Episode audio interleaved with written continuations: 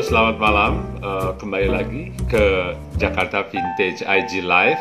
Malam ini kita akan berbincang-bincang dengan seorang profesor uh, spesialis di International Relations. Uh, namanya adalah Profesor Tirta Mursitama. Beliau ini adalah wakil rektor Binus University. Uh, lulusannya dulu adalah dari UI, kemudian dari Unpad dan dari sekolah di Jepang nanti universitas di Jepang nanti kita tanyakan di mananya. Oke, okay?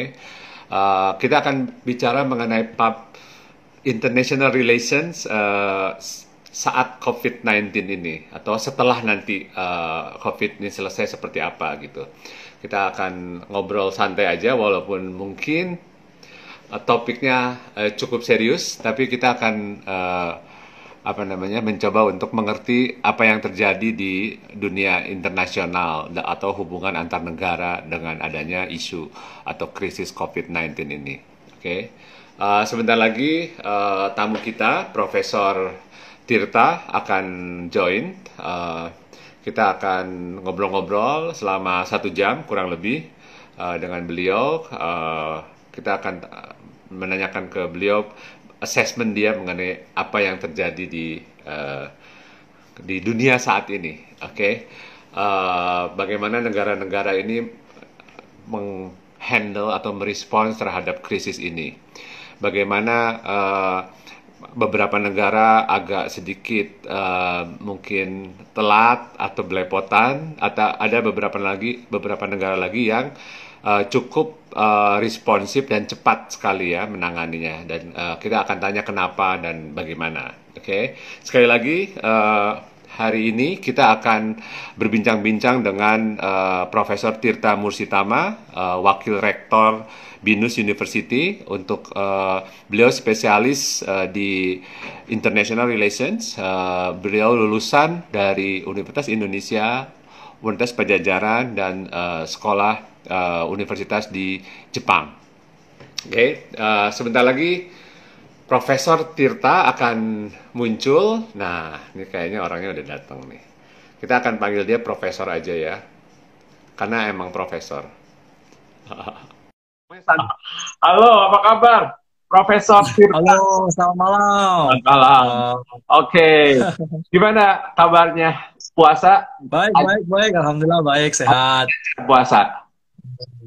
Gimana nih Mas Lutfi? Gimana Mas Lutfi? Oke, okay, ini tiap tiap malam ngobrol di apa IG Live nih uh, mencari insight-insight dan perspektif dari berbagai uh, macam background gitu ya dengan semuanya uh, dari teman-teman dengan teman-teman gitu ya. Jadi kita ingin mendapatkan uh, assessment dari macam-macam uh, profesi uh, dengan background yang lain-lain. Nah kali ini ini kayaknya pertama kali uh, tamunya adalah dari kalangan universitas ya. Apalagi sekarang nih Profesor Tirta Mursitama ini adalah wakil rektor di Binus University. Betul kan? Oh. Oke, okay. ini ya betul betul. Uh, wakil rektornya tuh ada khusus ya, uh, research atau apa ya? Iya, Betul, uh, ada lima. Saya nomor lima. Oh, uh, bagi apa? Rektor bidang riset dan alih teknologi. Ya, oh. riset dan alih teknologi. Oke, oke, oke, gitu. oke. Ini sekarang selain di binus, juga, selain di binus uh, ngajar di mana lagi? Apa cuma di binus aja sekarang? Uh, saya saya di binus ya. Saya di binus full time uh. di binus. Uh. Dan karena di binus memang apa saya fokus di sana mengembangkan ya ngajar penelitian dan memang dedikasi waktu saya di sana gitu. Okay. Hanya saya kadang-kadang kalau ada permintaan diskusi dari kementerian, Kemenlu, okay. Kemhanas atau beberapa kementerian lain saya datang. Tapi kalau ngajar hanya di S3 saya. Saya ngajar di S3 di di Unpad ya. Di Unpad. Uh, S3 HI. Oke. Okay. Untuk uh, menguji dan membimbing. Ya. I see, I see. Oke. Okay. Uh, di UI udah nggak ngajar lagi? Oh ya, di UI untuk uh, S2 HI-nya sama sama S3 S3 untuk uh, kemarin ada S3 di ilmu administrasi sama di FISIP gitu. Tapi memang bukan bukan di HI kan di HI belum ada. I see. Ini ada di hmm, dibuka program baru itu sekolah uh, apa namanya? strategis ya. Nah, mungkin saya akan akan join di sana untuk bimbing atau nguji. Oke, oke, oke, oke. Eh, ini kan spesialisasinya Profesor Tirta ini international relations ya, hubungan internasional ya. Ya, betul. It, uh, it, ini sekarang nih uh, jurusan ini masih populer seperti 20 tahun yang lalu nggak sih? Sebagai alumnus sesama alumnus hubungan internasional ya, ada rasa galau kayaknya ya. Luar biasa nih Mas Lutfi ya. Jadi kalau kita lihat dulu saringannya susah banget di UI gitu ya. Dan sekarang pun ini masih sangat sangat favorit gitu. Oh ya? Ya jadi oh, masih. Ya. Oke, okay, oke. Okay. Jumlah program studinya aja, program studi HI di Indonesia lebih dari 70 loh. Oke, okay. populer ya berarti ya. Dan, iya, jadi populer. Jadi untuk kampus-kampus besar seperti BINUS, ah. itu kita bisa terima lebih dari 200 250. Dan itu kadang masih ngantri. Kita udah waduh, kalau lebih dari itu nanti terlalu massal gitu ya. Uh, kenapa? Itu luar biasa. Apakah karena penyerapan uh, tenaga kerjanya gampang, cepat dicari, ya. dicari orang atau gimana?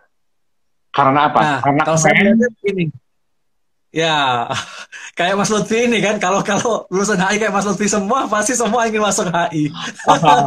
jadi jadi gini, ada ada dua hal yang yang pertama itu tren pasar memang. Yeah. Kalau dengar kata internasional ya hubungan internasional, international relations, ya, itu ya. kesannya mendunia gitu, global.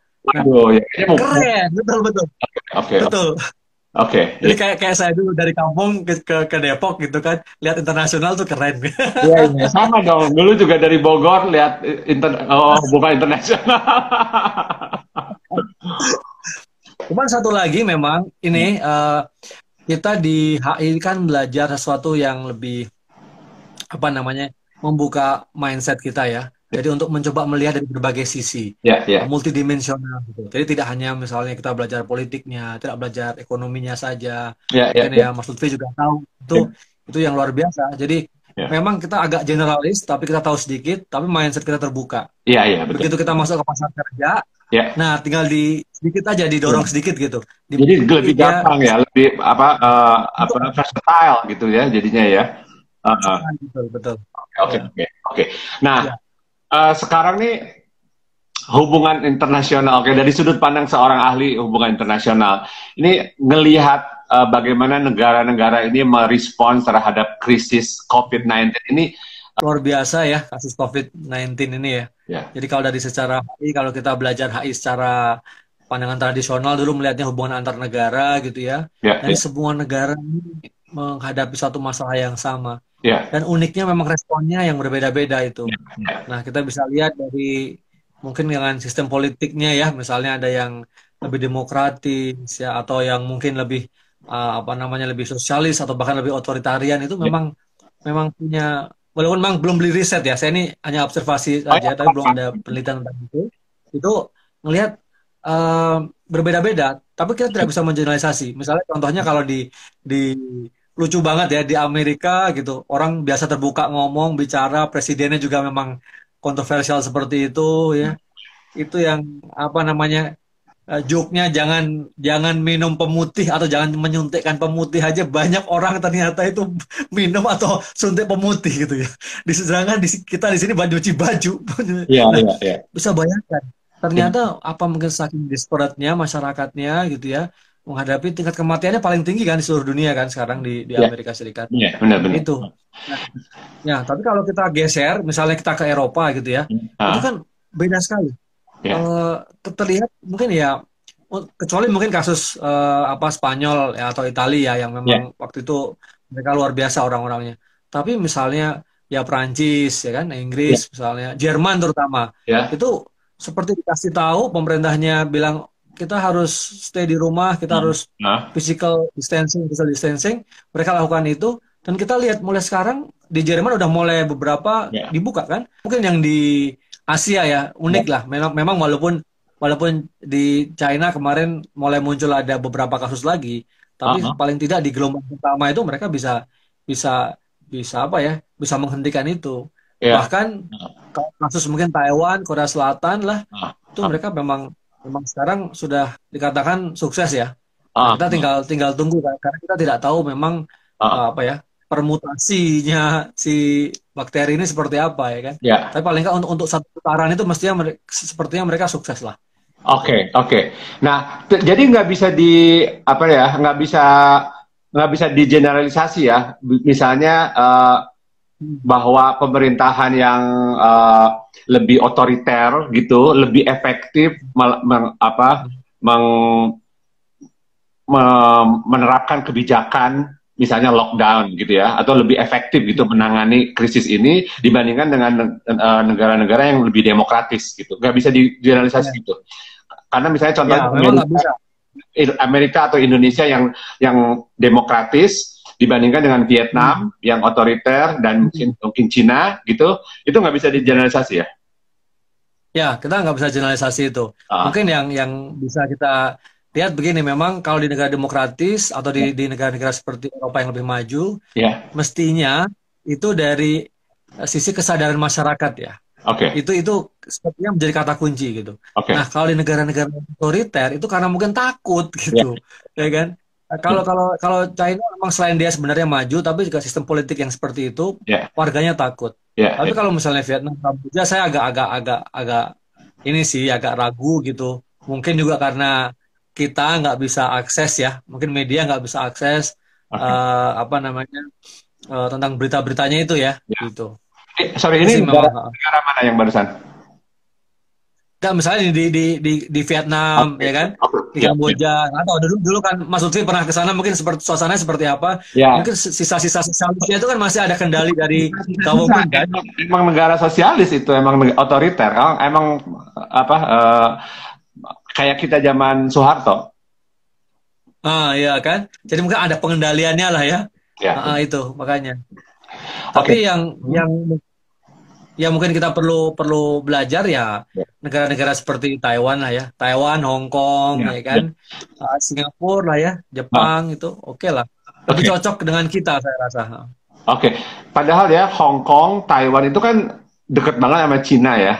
Harusnya kan yang hmm. apa yang apa lebih beresiko itu penyebaran COVID-nya itu kan di negara-negara yang dekat itu ya. Ya, tapi itu mereka oh. sangat efektif sekali ya meng, meng, menangani ini ya. Itu hubungannya ya. dengan pemerintahnya juga atau lebih kepada karena infrastruktur kesehatannya lebih maju? Ya, kalau saya lihat sih memang pemerintahannya efektif ya. Kalau Taiwan memang kalau nggak salah apa uh, apa namanya salah satu pejabatnya apakah presidennya sendiri juga seorang seorang ahli ini ya uh, apa namanya uh, epidemiologi gitu ya dia ya. menguasai itu sehingga sehingga tahu apa yang yang dilakukan. Artinya memang berbasis riset gitu ya. Okay. Apa yang tindakan-tindakannya itu rasional berbasis riset.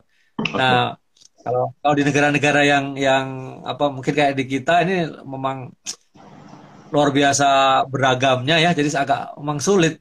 Jadi efektivitas eksekusi dari kebijakan itu memang memang mungkin eh, apa resepnya sama ya di negara lain melakukan hal yang sama, tapi ketika dieksekusi di negara kayak kita mungkin beda hasilnya gitu ya. Lebih tertarik bicara soal soal apa namanya uh, saya pernah nulis sedikit ya uh, waktu awal-awal sebulan yang lalu di satu surat kabar gitu di, tentang di Sindo itu ya, ya. yang ekonomi politik di, Sindo. Oke, okay. uh, gimana gimana? Betul.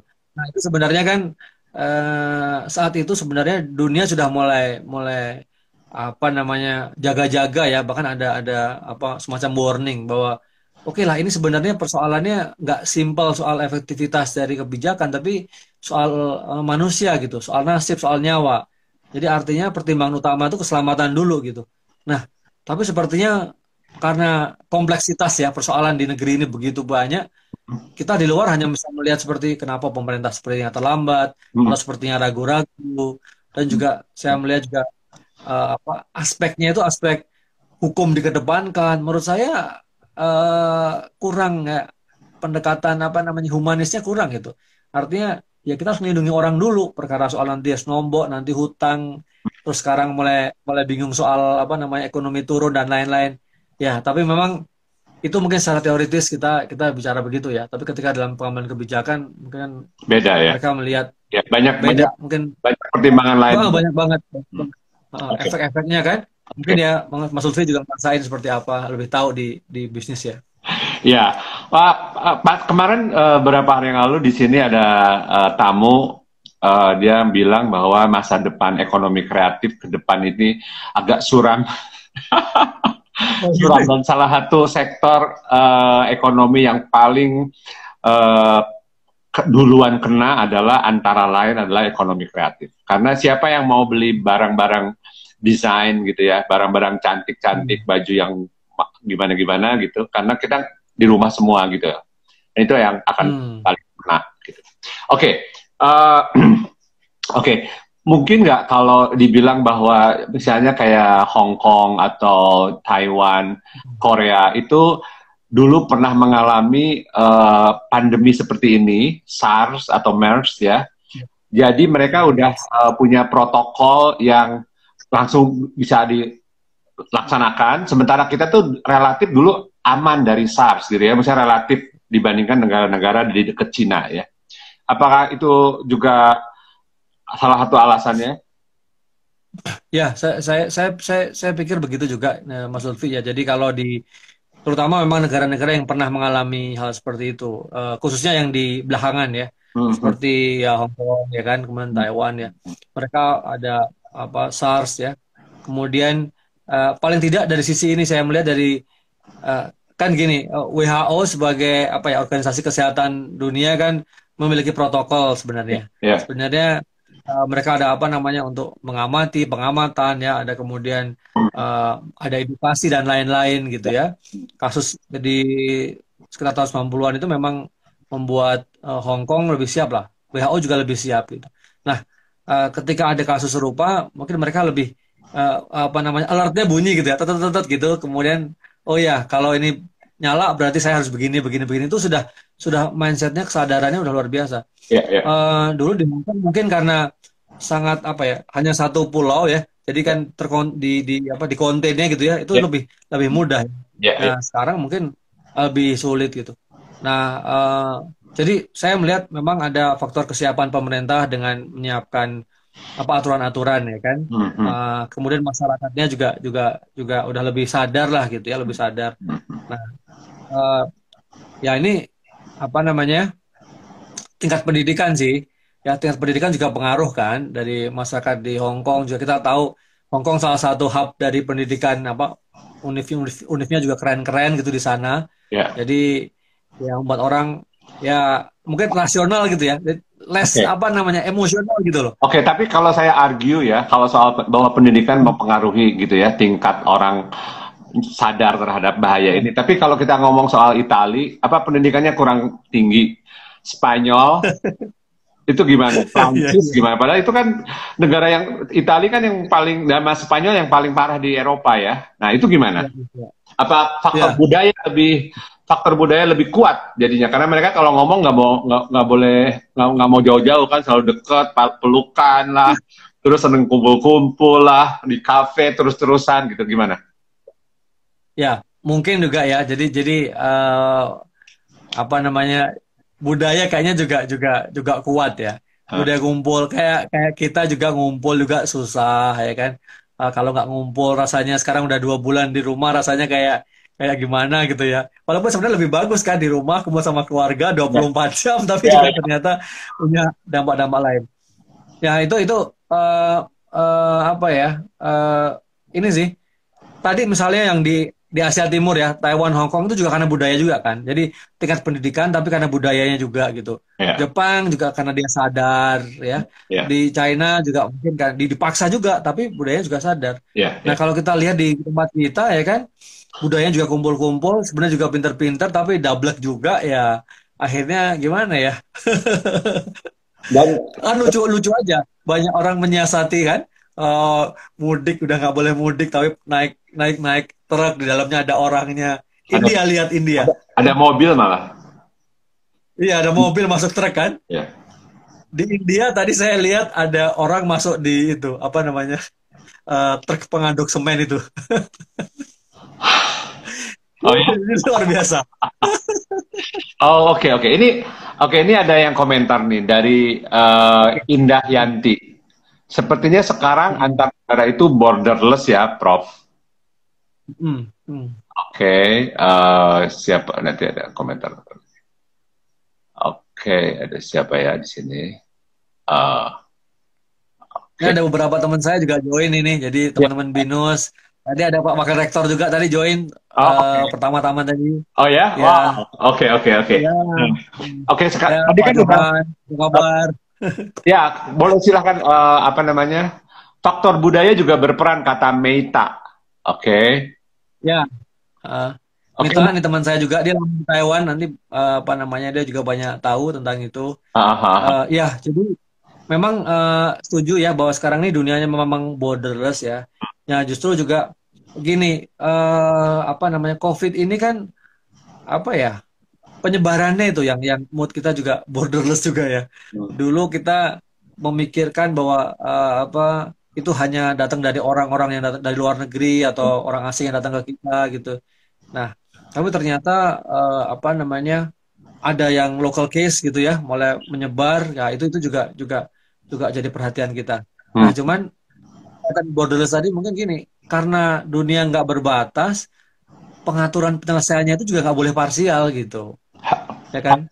Harus Misal, bekerja sama. Iya, harus bekerja sama walaupun masing-masing itu akhirnya sebenarnya menarik menarik diri kan sekarang kan hmm. bisa dibayangkan ya kalau Amerika menurut saya agak agak devian anomali karena memang dari awal pemimpinnya seperti itu kan jadi bukan bukan hanya kasus covid ini aja gitu ya yeah. nah tapi yang lain-lain gitu ya nah ada kecenderungan yang menarik bahwa ketika ya Jerman Inggris ya Spanyol Italia gitu semua masing-masing um, apa namanya berusaha untuk menutup diri ya sehingga pertanyaan pertanyaan terhadap ini lembaga internasional, lembaga multilateral, yeah. ya apakah apa namanya Uni Eropa sekalipun, yeah. apakah masih efektif gitu? Yeah, yeah. Jadi artinya itu menarik banget ya. Misal nah. kalau di kita ASEAN juga, ya, ASEAN seperti apa nih? Iya, ASEAN apa kabar kalau lagi? Iya, kalau kasus kayak begini itu semua ya, ya apa? Uh, ya. urusan saya dulu deh, urusan orang lain. Ada, gitu ya. ada tiarap duluan uh, semua ya.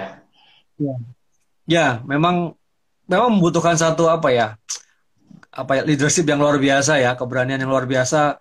Uh, karena ini kan gimana orang mau dilihat bahwa dia mampu memimpin menggalang di ASEAN atau di Uni Eropa kalau negerinya aja nggak beres mungkin gitu. Itu itu saya kira sih ini ya matters ya. Kenapa sekarang orang lihat kini kemarahan-kemarahan rakyat yang kalau kita lihat secara apa ilustratif ya, anekdotal gitu ya di TV itu ada yang bendera Uni Eropa dicabut, dibuang karena merasa lu selama ini saya masuk ke Uni Eropa tapi mana gitu bantuan Uni Eropa gitu.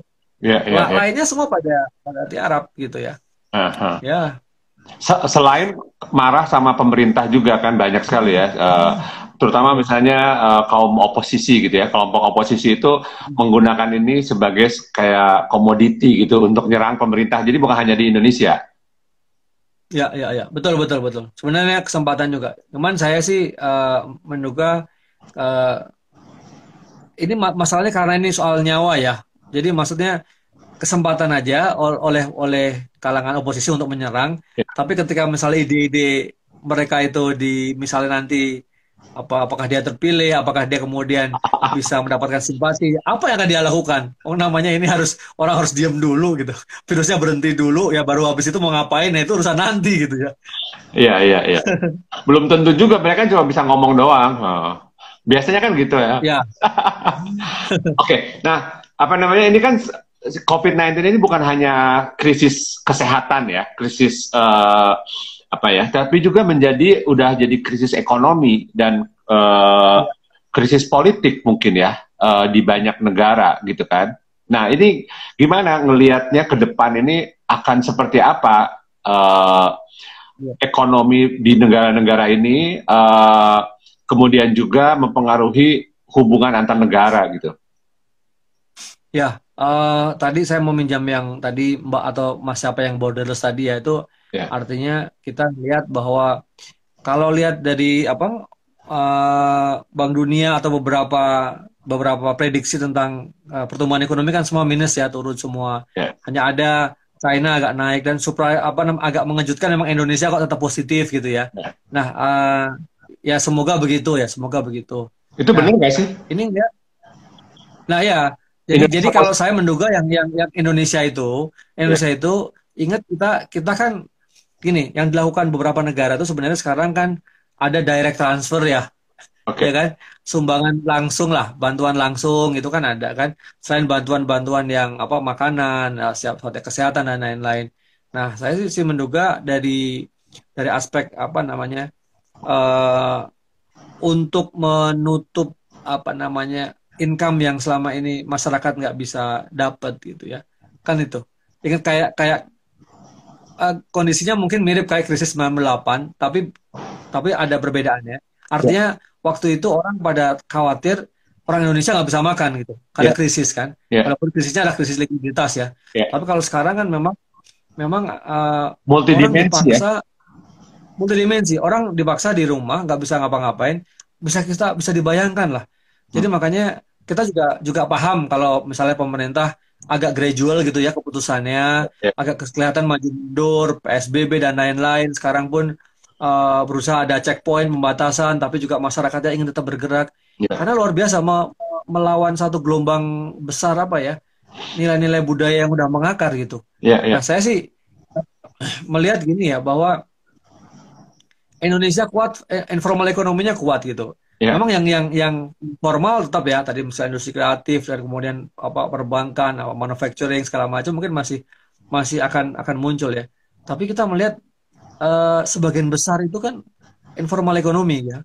Nah itu yang memang pertama memang harus dibantu dulu gitu, harus dibantu dulu. Nah mungkin saatnya ke depan uh, apa ya ada stimulus atau ada satu satu program-program khusus untuk memang uh, lebih memberdayakan mereka ya sekarang misalnya UMKM sudah ada ya, tapi UMKM kayak yang kemudian mampu mampu tetap survive.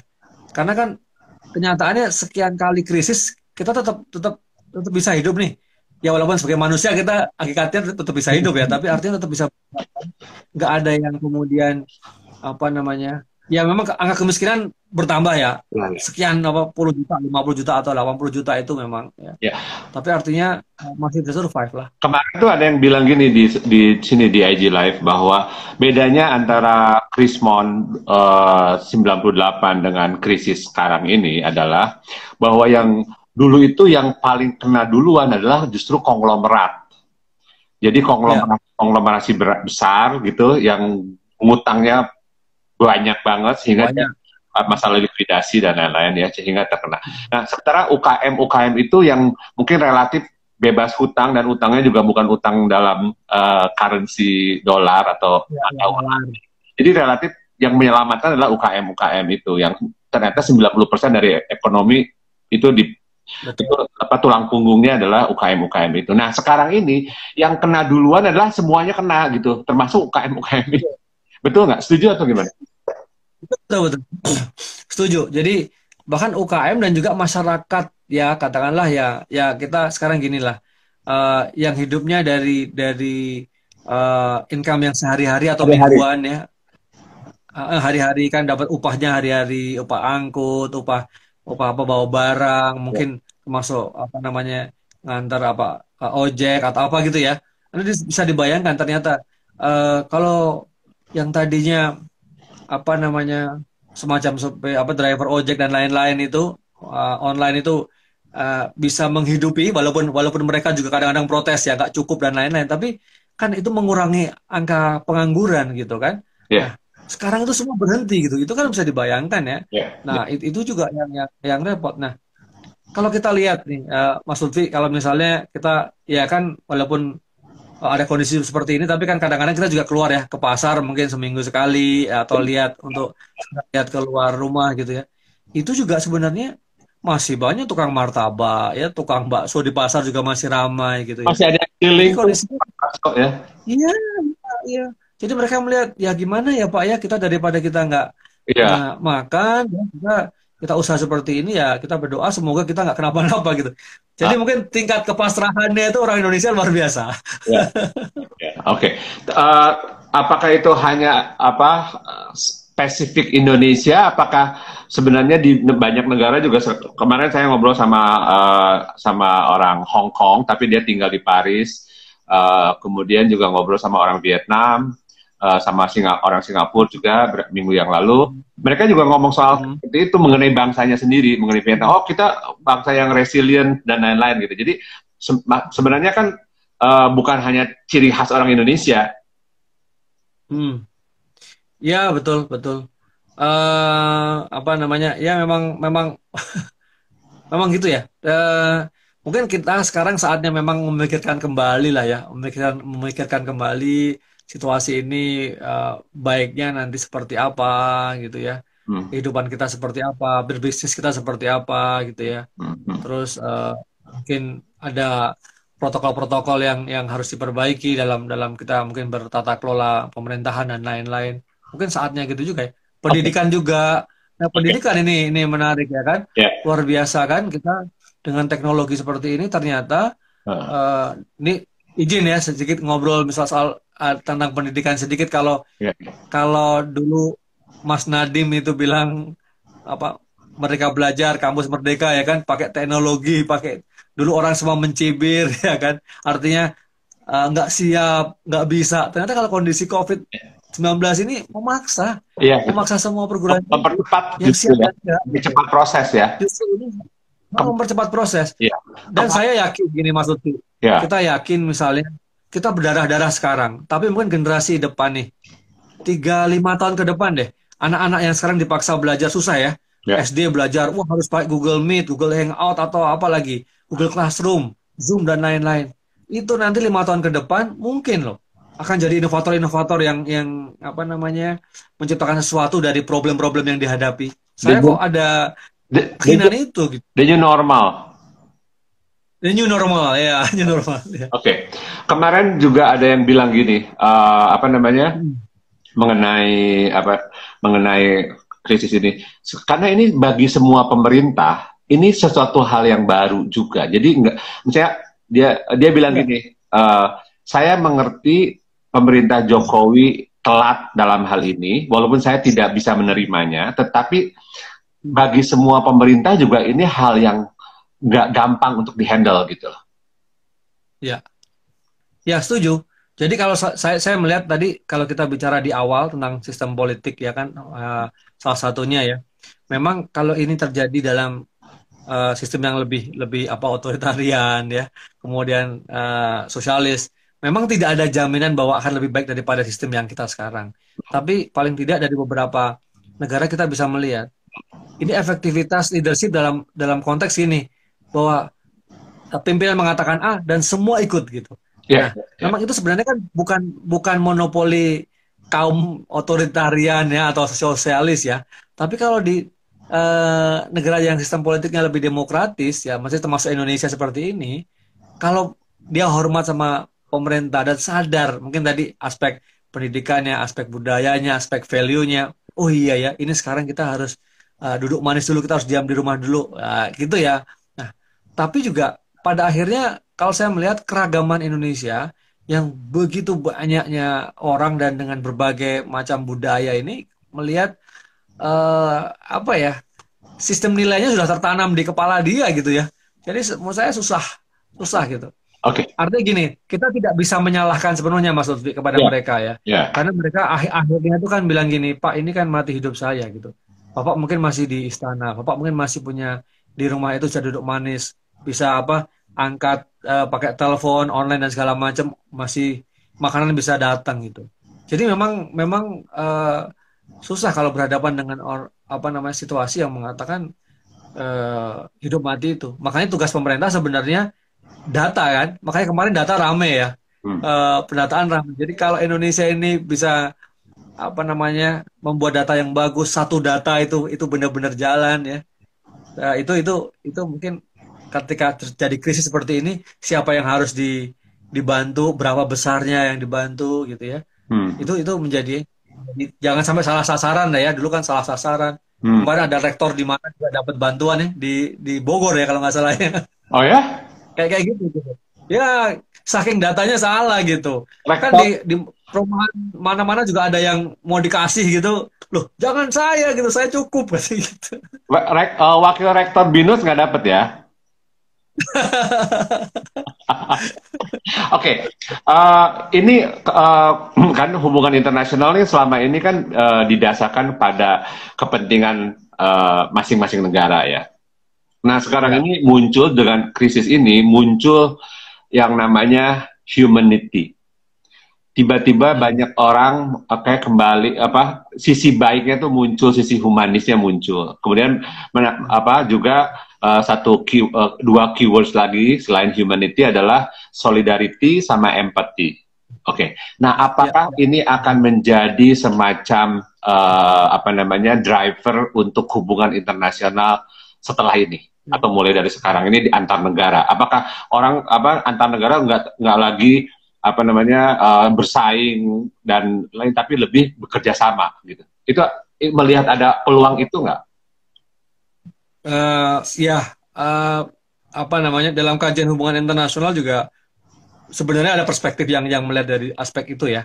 Yeah. Jadi kalau sekarang ini seperti yang lebih uh, apa orang memikirkan diri sendiri yang lebih yeah. realis begitu sifatnya ya. Yeah. Orang uh, negara lain sebagai ancaman, tapi kenyataan pada sekarang ini kan harus bekerja sama yeah. untuk uh, sesuatu yang apa lebih baik ya kerjasama akan mendapatkan keuntungan yang lebih baik mungkin yang lebih liberal hmm. tapi uh, kalau liberal kan selalu berpikir soal soal kapital juga. Yeah. Nah tadi Mas Lutfi sampaikan soal humanity, solidarity, ya, empathy itu mungkin pada perspektif yang lain ya orang melihat semacam uh, apa uh, suatu pandangan bahwa dunia ini harusnya sebagai satu masyarakat yang besar gitu ya, satu masyarakat yang besar yang tumbuh da dari suatu nilai-nilai yang diyakini itu ideal gitu. Nah termasuk apa humanisme tadi human, ada ada empati, ada solidarity gitu ya.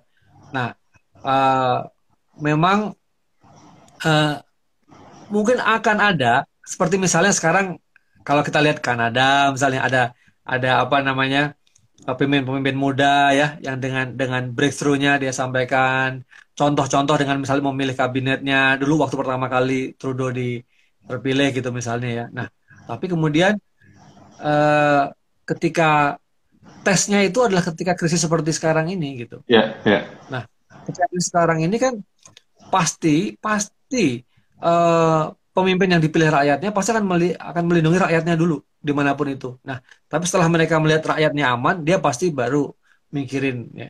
Karena juga uh, logikanya sederhana juga kan. Ya, foreign policy bikin begins at home kan kita kira-kira kayak gitu. Nah, tapi arahan ke sana sebenarnya uh, mulai ada seperti disampaikan Mas Lutfi tadi, terutama kalau dilihat dari munculnya pemimpin-pemimpin muda, pemimpin-pemimpin yang yang mulai melihat bahwa nilai-nilai uh, sebagai seorang manusia atau masyarakat itu muncul ya. Selain Trudeau, pandangan, konservatif. Selain Trudeau siapa lagi yang dianggap sebagai pemimpin muda?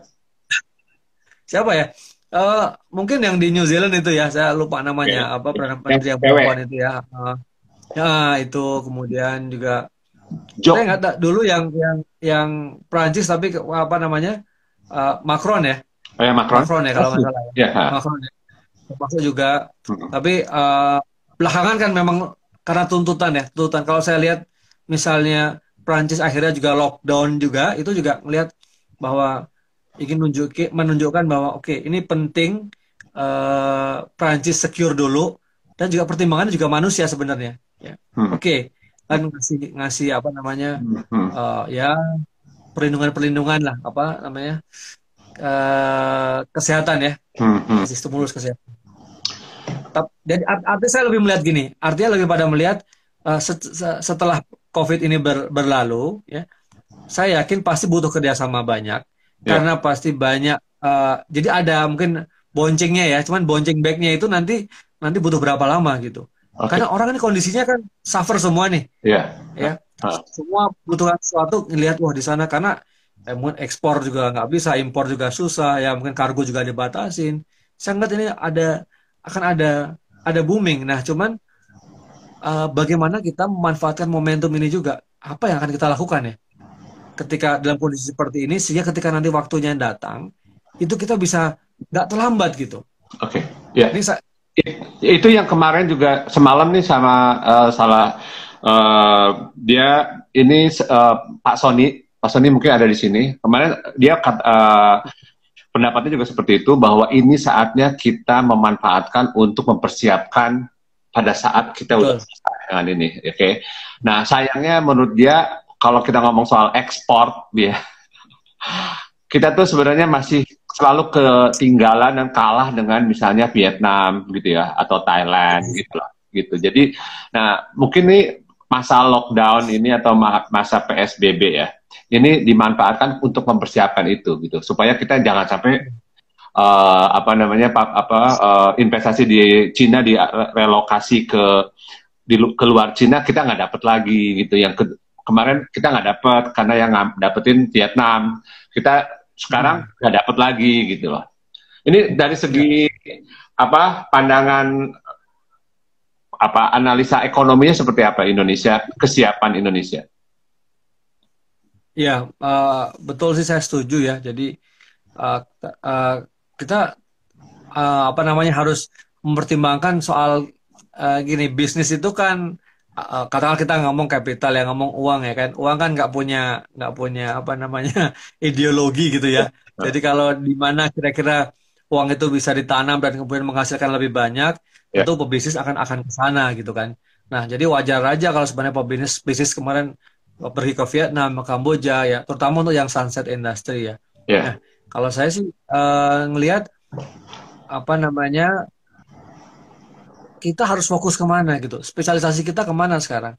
Karena kalau kita lihat uh, uh, kebijakan industri kita boleh dikatakan yang dulu udah kurang berhasil gitu ya. Jadi kita mau jadi apa itu kan nggak jelas. Uh, misalnya gini mas saya, kalau dulu Habibie bilang mau kita mau bikin pesawat gitu ya, yeah, yeah. industri maju gitu. Yeah ini ini bukan konteks yang menyalahkan Habibie dan yang lain-lain bukan, tapi uh, trajektorinya itu kita nggak nyampe gitu. Yeah, yeah. Nah mau jadi industri apa itu nggak jadi gitu. Nah akhirnya padahal waktu itu konteksnya masih kita masih bisa tertutup kan, negaranya masih boleh protektif gitu. Yeah, yeah. Nah, tapi tekanan eksternal yang membuat semua apa globalisasi dan lain-lain tadi borderless dan lain-lain sekat-sekat dihilangkan, kita nggak mungkin lagi lebih nasionalis kan. Nah akibatnya ya sudah modal yang datang ya datang, yang harus keluar ya keluar gitu. Nah kembali pada pertanyaan tadi seperti apa? Saya melihat yang bisa dilakukan itu yang memang uh, berkaitan dengan teknologi ya sekarang ini ya. Hmm. Jadi ya sekarang nih mungkin uh, I, apa IG live seperti ini ya IG live seperti ini mungkin orang melihat uh, kemampuan untuk bicara di depan kamera, menyampaikan, berdiskusi, ngobrol enak, kemudian sharing dengan orang itu mungkin bisa jadi satu satu hal yang kelihatannya sederhana tapi mungkin bisa bisa uh, membuat orang uh, makin mengasah kompetensinya ya misalnya makin banyak webinar ya yeah. webinar makin banyak yeah. orang sharing makin banyak sharing apa pun gitu yeah. mau yang datang sedikit mau banyak dia kemudian taruh di apa YouTube dan lain-lain dan kemudian yang views banyak itu luar biasa kan okay. jadi artinya kalau saya lihat seperti itu kemudian Eh, industri-industri uh, startup untuk yang berbasis teknologi ya. Bukan karena saya dari Binus ya, tapi yang kuat secara IT-nya. Tapi ya. memang harus diarahkan ke sana. Kalau mau loncatan, arah sana gitu. Nah, okay. jadi kalau uh, manufaktur-manufaktur ya mestinya yang yang yang kalau kalau sekarang lihat mungkin yang kuat uh, otomotif karena Jepang masih kuat di sini, yeah. Ya kan? Nah, mungkin geser ke sebenarnya ke ke services ya sebenarnya. Kreatif industri termasuk tuh sebenarnya kan yeah. di tempatnya apa uh, Mas Lutfi dan teman-teman ini saya kira kesempatan juga gitu bikin okay. apa film dan lain-lain gitu ya. Oke. Okay. Okay. dan lain-lain. Kebetulan di sini ada pengusaha ada produser film, ada punya, yang punya PH juga di sini nih yang datang nih ada Ibu oh, Diana iya. Nasir ya. Jadi film itu iya. antara lain sebagai salah satu. Oke, jadi uh, ekono, sektor ekonomi yang berbasiskan teknologi itu yang justru yang apa namanya yang akan uh, ya, ya. cerah gitu ya, yang masa depannya cerah gitu ya, ya uh, dibandingkan dengan misalnya manufacture yang uh, kita kalah terus sama negara lain, negara tetangga gitu. Uh, mungkin saya tambahkan Mas Lutfi. Jadi uh, ada lompatan. Kita bisa mencontoh India ya. Bukan berarti UMKM itu yang kelihatannya cuman kerja di apa pinggir jalan atau dorong-dorong bakso atau apa ya misalnya gitu. Bukan berarti nggak bisa nggak bisa kita kita apa namanya kita embed teknologi gitu kan bisa ya sistem keuangannya misalnya seperti sekarang kita payment udah pakai misalnya yeah. sorry nyebut merek ya misalnya ada GoPay atau segala macam itu kan loncatan yang luar biasa yeah, yeah. sekarang siapa pun siapa pun dari rumah mau buka jualan juga udah bisa. Nah ini kan luar biasa. Yeah. Tinggal kita mendorong bagaimana yuk kamu tuh bisa apa yuk bisa bikin bakso ya udah bikin bakso yang benar buka di apa namanya jadi jadi membernya salah satu marketplace itu ya kamu jualan kasih foto-foto sedikit hmm. ya order beres gitu loh hmm. ini saya kira nih bakal jadi ekonomi yang luar biasa gitu oke okay, oke. Nah, dulu kan di sekitar 30 tahun yang lalu atau 20 tahun yang lalu, jargon globalisasi itu kayak, wah kalau lu nggak global, nggak go global itu lu kayaknya ketinggalan zaman gitu kan. Nah, sekarang nih uh, globalisasi kayak punya sisi sisi buruknya dengan adanya uh, virus yang mengglobal, akhirnya krisis menjadi global seperti ini gitu. Nah, uh, apa ke depannya nih apa yang akan menjadi the new apa ya the keywordsnya uh, untuk uh, untuk new world order ya Iya, the new order, in the new order. Ha, ha. Apa kira-kira apakah uh, humanisme, humanity, ataukah yeah. solidarity, ataukah apa gitu loh? Nah, jadi jadi mungkin saya saya, saya coba lihat dari aspek ini. Yeah. Ya. Uh, globalisasi sekarang sekarang kan ada tantangannya, ada banyak yang mengatakan ada ada deglobalisasi ya. Ya. Karena karena memang orang butuh menarik diri kan, yes. negara yes. menarik diri. Yes. Jadi itu itu satu satu apa namanya satu apa karakteristik yang muncul sekarang gitu ya. Kenapa muncul? Kenapa itu menjadi menjadi mereka menarik diri? Yang tadinya mereka lebih go global, yeah. orderless segala macam yeah. ya. Karena ada kepentingan gitu.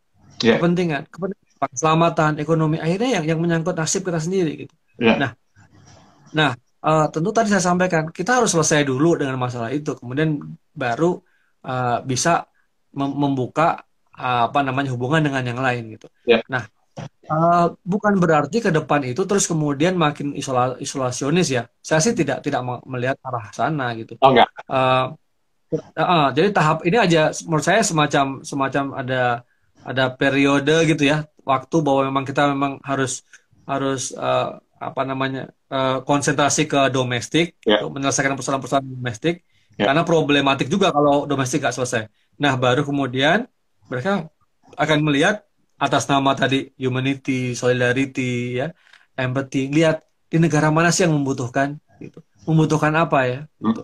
Jadi mungkin akhirnya kita nggak pernah terbayangkan ekonomi model paling paling apa sederhana barter ya kehidupan zaman dulu barter itu sekarang kan bisa dilakukan gitu. Yeah. Nah mung mungkin ekonominya kembali ekonomi yang barter itu dan dan yeah. dan dan bukan salah ya. Yeah. Jadi yeah. bukan sesuatu hal yang yang rumit. Jadi saya ngelihat aktornya nanti lebih ber apa namanya beraneka ragam ya. Yeah. Karena COVID ini kan tidak hanya negara ya, ada ada bisnis juga aktif, yeah. masyarakat ya NGO segala macam juga aktif. Jadi saya melihat ke depan uh, apa namanya aktor-aktor hubungan internasional itu makin makin banyak yeah. dan mereka makin aktif untuk menyelesaikan masalah dunia ini yang nggak mungkin diselesaikan oleh hanya hubungan antar negara gitu. Ya, ya, ya. Jadi, jadi sangat menarik, sangat menarik. Jadi gitu ya. uh, Profesor Tirta tidak melihat nanti negara-negara akan lebih uh, karena akibat dampak dari krisis uh, COVID ini tidak melihat uh, mereka akan menjadi lebih isolatif, uh, isolas apa sih istilahnya? menjadi isolasi. Isolasionis ya, ya. Atau atau uh, atau gimana? A akan lebih reaching out gitu, lebih lebih solider terhadap satu sama lain gitu, lebih uh, karena, karena saya lihat gini ya, tidak ada satu negara yang bisa memenuhi kebutuhannya sendiri. Okay. Itu itu itu itu uh, kod, apa ya nat, naturalnya alamiah begitu ya. Yeah. Jarang sekali yang kepentingannya bisa. Kalau kepentingan yang standar ya ya jangankan yang standar soal makan aja ya ya Indonesia misalnya ya. Segini banyak. Dulu pernah swasembada beras tahun 80-an tapi sekarang yang dikasih makan 260 juta orang itu yeah, yeah. semakin banyak industrialisasi uh, sawahnya habis mau makan dari mana? Sedangkan makannya beras makanya nasi. Nggak mau apa diversifikasi pangan yang lain. Nah ini contoh saja. Yeah. nggak mungkin Indonesia menutup diri juga gitu. Nah yeah. selain itu uh, saya melihat memang uh, apa namanya gini artinya logika ekonomi bahwa hidup harus sejahtera itu tidak hilang ya. Cuman uh, penguatan tadi nilai-nilai yang sifat apa namanya hubungan internasional yang lebih humanis tadi ya. Mengedepankan ya, apa humanity itu itu mungkin akan lebih menguat. Nah ini mungkin kata kuncinya di situ. Okay. saya mengharapkan yeah. pemimpin-pemimpin muda itu pikirannya nggak semata-mata soal uang, soal perang, ya, soal security, tapi juga aspek security dalam aspek human security kali ya, yeah. yang udah lebih mengarah kepada bagaimana sih manusia itu aman dari sisi ya sekarang kan produk-produknya yang apa green product ya, yang sustainable, yeah. yang harus apa namanya tidak ada kandungan-kandungan kimia dan lain-lain. Mungkin kita hidup akan akan akan lebih sehat mestinya. Oke, okay. sekarang kalau oke, okay, saya bacain nih komentar dari teman-teman di sini. Pak Sony, Pak Sony ini tamu tamu di IG Live semalam. Oke, okay, uh, eh, oh, iya, dia product developer, uh, dia based di Bali nih. Dia bilang yang akan lebih strong adalah produk-produk hmm. yang bersifat sustainable. Oke. Okay. Ya. Yeah. Yeah. Oke. Okay. Uh, ada lagi juga Uh, Oke, okay. ini agak sulit mau scroll up susah jadi oke. Okay. Oke, okay, kalau oh, iya. oke okay, lembaga-lembaga internasional ya di luar WHO yang sangat saat ini menjadi kayak leadernya ya. Itu kayak misalnya ASEAN ataukah uh, G20 G20 ya? Ya, bisa ya. G20 uh, terus APEC gitu. APEC ya. Hmm. Itu relevansinya di mana pada uh, saat ini dan ke depannya? Ya, se sekarang sih saya melihatnya juga agak kurang ya. Artinya uh, tadi kalau saya melihat mereka masih pada uh, berkutat pada persoalan sendiri gitu satu. Yang yang kedua memang gini. Uh, harapan kita sebenarnya memang terhadap organisasi multilateral seperti itu ya WHO bukan berarti gini, oh ini WHO kayak Trump bilang, oh ini WHO nggak efektif, ini cuma main-main sama China, saya tarik aja sumbangan saya gitu ya. Itu itu uh, emosional lah ya. Jadi jadi menurut saya uh, bukan berarti WHO harus dibubarkan. Toh WHO juga melakukan melakukan kerja-kerja dia gitu. Yeah. Ya. Uh, ada protokol dia buat, kemudian dia bikin perwakilan di beberapa uh, kantor di seluruh dunia tuh dia buka juga. Kalau dia bikin program-program ya jadi saya saya, saya pikir tetap uh, apa namanya itu uh, bakal ada gitu ya. Mungkin semacam apa ya penguatan atau revitalisasi dari dari peran-peran mereka khususnya khususnya yang WHO ya. Nah, kalau yang apa mungkin uh, eh, G20 itu memang dibutuhkan bahasa saya itu butuhkan kebesaran ya. Artinya butuh uh, apa namanya? Uh, suatu kebijakan atau bahkan wisdom yang mengatas di atas kepentingan negara masing-masing gitu. Hmm, hmm. Uh, uh, apa sekarang ini sulitnya sulitnya begini karena apa namanya uh, problemnya soal problemanya soal hidup mati penduduk gitu loh. Kalau saya sih menduga kalau yang dulu mungkin mungkin eh, apa eh, tidak me, apa ya tidak secara langsung me, mengancam nyawa orang yeah, dan yeah. dan peningkatan matinya itu luar biasa cepat bayang semenakutkan ini inilah kira-kira mungkin seperti itu. Tapi uh, apa namanya melihat sih tetap akan ada tetap uh, mereka akan akan kumpul-kumpul lagi ngobrol-ngobrol lagi ya. Yeah. tapi ya tentu setelah mereka mungkin lebih lebih sehat lah kondisi kondisi, kondisi domestiknya ya. Baru ngomongin soal soal ya, jadi, internasional gitu. Jadi masih mungkin akhir tahun lah ya jadi masih ada gunanya itu lembaga-lembaga itu yang tadi ASEAN, APEC, G20, G20. Ya, uh, saya orang yang punya pandangan gini, lebih baik kita punya satu mekanisme ya, yang kemudian dipakai untuk memecahkan masalah daripada nanti akhirnya unilateral gitu ya atau bilateral aja karena kepentingannya sekarang kompleks gitu. Oke. Okay. Jadi saya saya masih optimis ya. Tinggal nanti gini persoalan leadership di masing-masing lembaga itu. Yeah. Ya. Karena kita lihat juga di ASEAN kan juga nggak nggak nggak nggak apa nggak semuanya itu nggak nggak terlalu seimbang ya. Iya, Leadershipnya yeah. uh, ada yang lemah. Indonesia kan negara paling besar di ASEAN, di ASEAN ya. Kan selalu kalau dalam iya. media-media itu kalau dalam pidato-pidato itu dianggap sebagai wah pemimpin ASEAN bla bla bla. Tapi hmm. kenyataannya ini itu hanya hanya omongan diplomat doang kayaknya sopan santun aja. Kenyataannya tuh kan enggak. Apa apa gimana? Apa masih gitu? Kita dianggap sebagai leader karena jumlah produknya paling besar. uh, kalau saya saya melihat saat ini de facto masih lah Indonesia ya ya karena kekayaan jumlah jumlahnya besar dan juga juga termasuk satu-satunya negara ASEAN yang di G20 kan jadi masih didengar gitu ya cuman memang saya melihat seberapa efektif Indonesia bisa berperan di situ sehingga memberikan manfaat kepada anggota-anggotanya itu itu problem menurut saya ASEAN tuh dari dulu ke sana gitu. Yeah. Kalau enggak kan cuman jadi apa talk shop ya gitu, ngobrol-ngobrol. Ya namanya yeah. diplomasi ya. Kalau kita bilang diplomat tuh nggak kerja, dia marah gitu. Karena pekerjaannya begitu kan, makan ya kan, oh, ngobrol-ngobrol, diskusi. Tapi kan ada juga apa bikin apa gitu. Dulu cita-citanya diplomat loh, jadi nggak jadi ya. Oke, okay, ini ya, ada yang juga begitu ya. Oke, okay, komentar nih. Oke, okay, dari sisi, ini sisi ini desainer. Oke, okay, mata uang konvensional mungkin nggak akan terasa seseksi sebelum pandemik. Mungkinkah orang-orang mulai sadar harus punya value lain yang langsung bisa dikonsumsi atau digunakan, atau semua jadi produsen? Ya ini tadi uh, apa namanya? Seperti saya sampaikan tadi, kemungkinan kerja apa kemungkinan apa kita bertukar secara barter ya. It, ya. Itu kan menandakan sebenarnya uh, perantara, uang sebagai perantara itu kan ya. mungkin uh, perannya mungkin udah jadi nggak terlalu relevan gitu ya. Ya, nah, ya.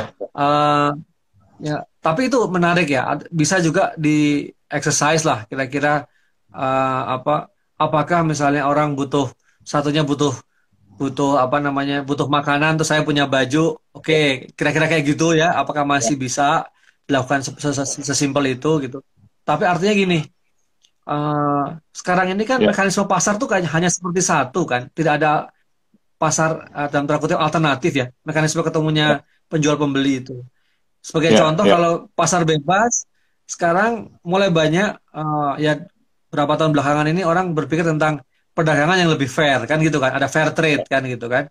Nah yeah. kalau ini kuat dorongan ini kuat bisa juga. Jadi kalau tadi yang seperti disampaikan tadi misalnya apakah mungkin itu uh, produk-produk yang laku kemudian yang memberikan nilai lebih value yang lebih langsung pada dari dari produsen dan konsumen? Mungkin saja. Tapi seberapa besar gerakan itu gerakan itu mampu didorong uh, ke ke global ya melawan kekuatan modal yang luar biasa gede ini gitu. Yeah jadi kalau okay. pinjam istilah apa ya, kan ada ada senternya sudah terjadi gitu ya. Nah, yeah. kalau kita nggak kuat melawan center, kita bikin center-center yang kecil gitu. Nah, mung yeah. mungkin satu kelompok kawasan negara dulu mereka efektif barter ya, mungkin gitu ya. Kemudian nanti bisa jadikan semacam best practice, kemudian diangkat, diadopsi di level yang lebih tinggi gitu ya. Nah, tapi itu itu butuh okay. waktu. Nah, tapi saya okay. hmm Mungkin, okay. mungkin Sorry, dari Prof, aspek ini. Prof, nah. uh, ini 23 detik lagi, udah sejam. Oh, Jadi iya. nanti kalau kalau putus, oke, okay, kita lanjutkan ya, karena ini mungkin kayaknya belum selesai nih uh, tadi kata Oke, okay, jadi tapi uh, kita kita lanjutkan nanti putus, habis itu kita lanjutkan lagi. Oke, okay, ini ada Henry Satrio. Oke, okay, ada nggak the new normal dalam international Profesor, sorry, tadi ada pertanyaan dan tadi lagi menjelaskan, boleh mungkin boleh diulang, ya. Hmm? Ya, tadi ada yang menanyakan mengenai uh, international relations uh, pasca COVID ini seperti apa? Kurang lebih gitu dari Henry Satrio. Ya, uh, Mas Henry ya, Mas Henry Satrio ya. ya. Ya. Oke. Okay. Uh, Teman terima kasih pertanyaan. Ya? Sekantor dulu di John Hopkins. Ya, jadi apa namanya?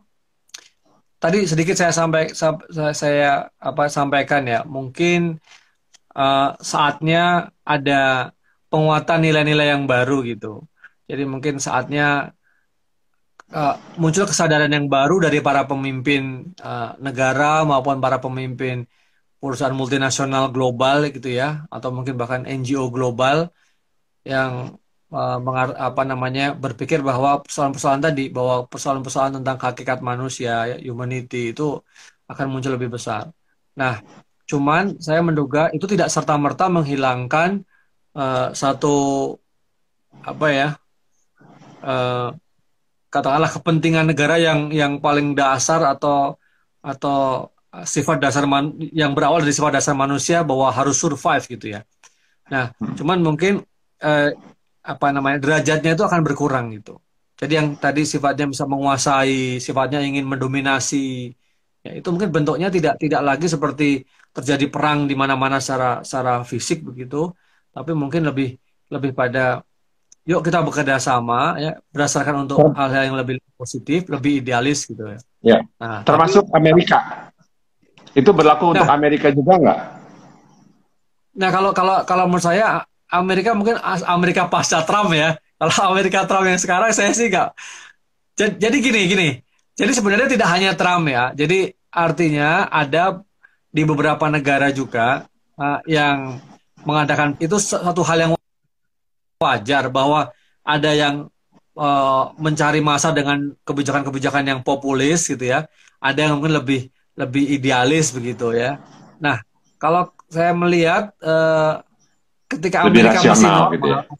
ya artinya kalau kalau kalau apa namanya di sistem politik yang sudah matang seperti Amerika satunya Republikan dan satunya Demokrat kan masing-masing udah punya nilai nih nilai-nilai yeah. yang dipegang kita tahu kalau Republikan menang siapa di balik Republikan siapa pun presidennya dia akan seperti apa kebijakannya demikian juga kalau Republikan kan Nah, eh sorry, ya, Demokrat kan. Nah, Demokrat kan lebih pada nilai-nilai yang menjunjung HAM gitu. Akan kelihatan yeah. sekali ininya. Apa namanya? pengaruhnya terhadap pilihan-pilihan kebijakan luar negeri maupun kebijakan domestik.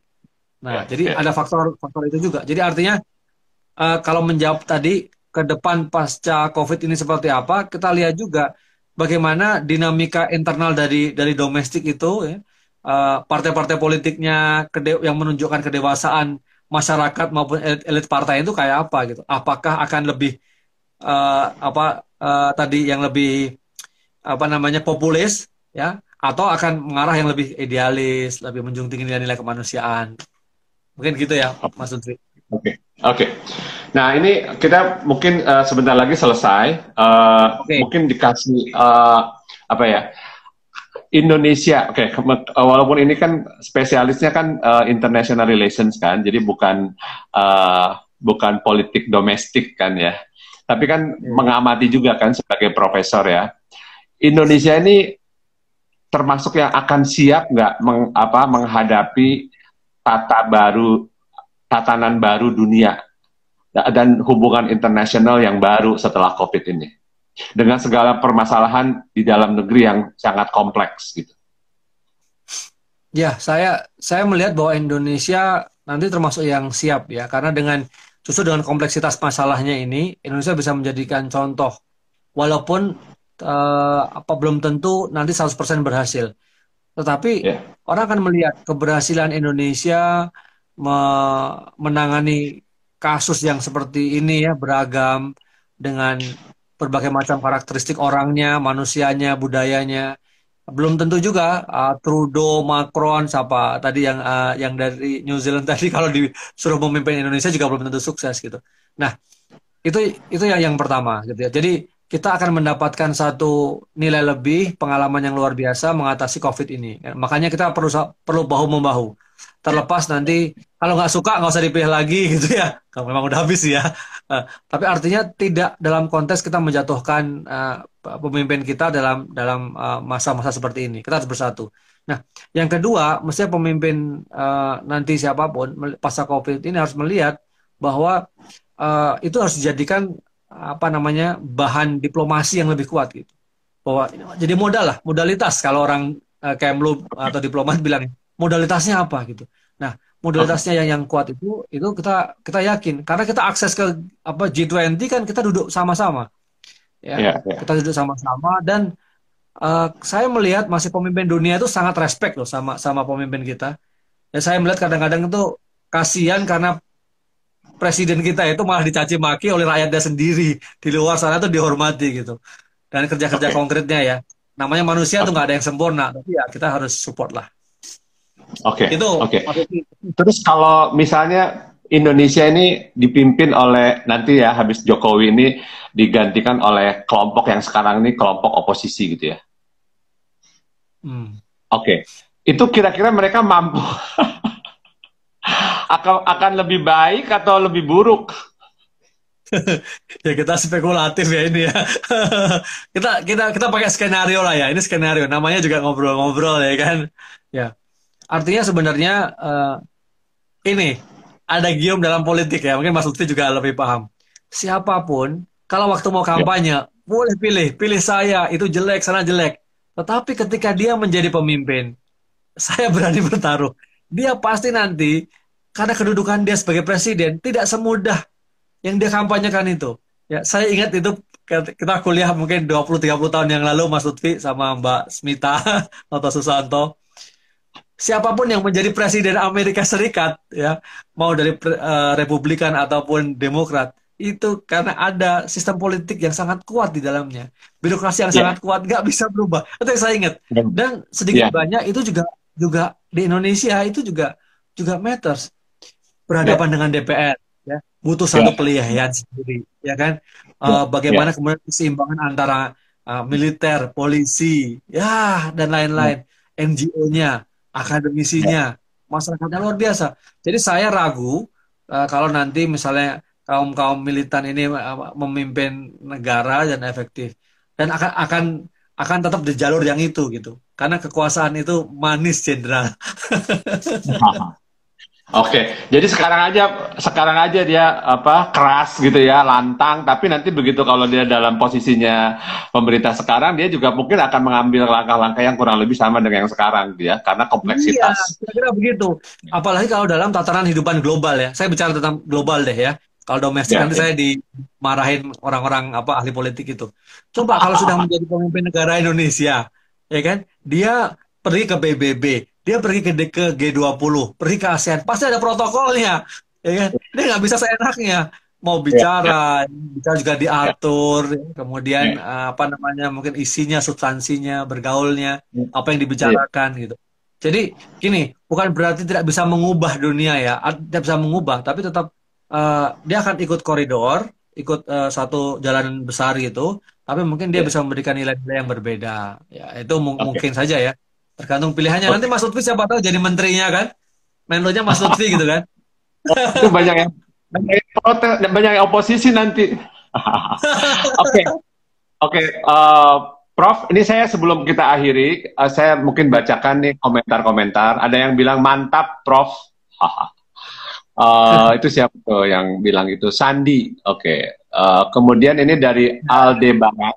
Oke, okay, Aldebaran Works apakah akan dibikin smart economic partnership seperti yang sudah banyak dibahas para pakar dan Indonesia mungkin belum siap.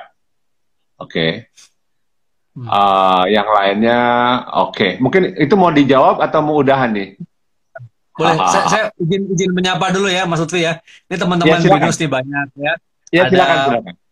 Ini tadi ada ada apa namanya Mas Gera itu dari dosen HI di UII saya tadi ada beberapa juga alumni alumni HI Binus juga ada teman-teman ya, saya ya, ya. di beberapa kampus juga ada ya syukurlah ya jadi ini uh, apa platform ini juga bisa bisa me menarik ya menarik para apa komunitas lebih tinggi lebih banyak ya. untuk melihat ya, ya. di di live-nya Jakarta Vintage. Nah, izinkan saya merespon yang terakhir tadi bahwa ya. uh, smart economy akan akan berubah. Saya setuju, ya. Tetapi ya. bukan berarti Indonesia nggak siap ya. Karena saya ya. melihat gini, uh, kalau kita lihat anak-anak muda sekarang, mungkin kalau kita belajar dari kampus ya, di kampus yeah. misalnya orang yang punya ide bikin startup itu banyak banget, ya. Yeah. Apalagi tadi berbasis teknologi tadi ya. Nah, yeah. ya kita, kita contoh lah ya, terlepas dari kontroversinya, misalnya ruang guru, skill academy, yeah. Pintaria yeah. dan lain-lain, itu kan luar biasa. Yeah. Tidak pernah dulu ya uh, terpikirkan seperti itu dan Uh, sekarang anak muda ini pemikirannya kan uh, beda ya. Mungkin kita dulu hidup dalam dalam kungkungan orde baru yang ide yeah. baru itu uh, sepertinya haram gitu. Tapi sekarang ini kalau kita di kelas udah beda sekali gitu. Rasanya dengan yeah. aura 30 tahun dulu lah gitu. Nah, yeah, yeah. justru teman-teman yang seperti Mas Lutfi ini, geluti ini, jadi justru di situ uh, apa motornya. Ketika ini saya beberapa misalnya, misalnya saya membimbing S3 untuk tentang startup ya Nah, uh, bagaimana survival dari startup itu? Bagaimana dikaitkan yeah. kadang-kadang UMKM juga menggunakan teknologi, uh, entrepreneurship gitu. Ternyata hmm. ternyata apa positif gitu. Jadi hmm. saya melihat ada ada ada apa namanya ya ada cahaya ya di ujung sana gitu ya. Nah tinggal okay. tinggal kan gini ya usaha itu kan nggak bisa sendiri. Ada apa yeah, yeah.